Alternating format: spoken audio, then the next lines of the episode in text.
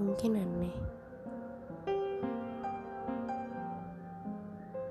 Tapi gue juga gak tahu apa yang terjadi sebenarnya sama perubahan-perubahan dalam hidup gue.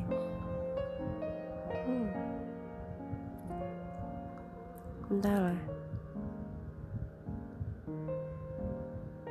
Mungkin diam adalah satu-satunya cara yang paling tepat saat ini.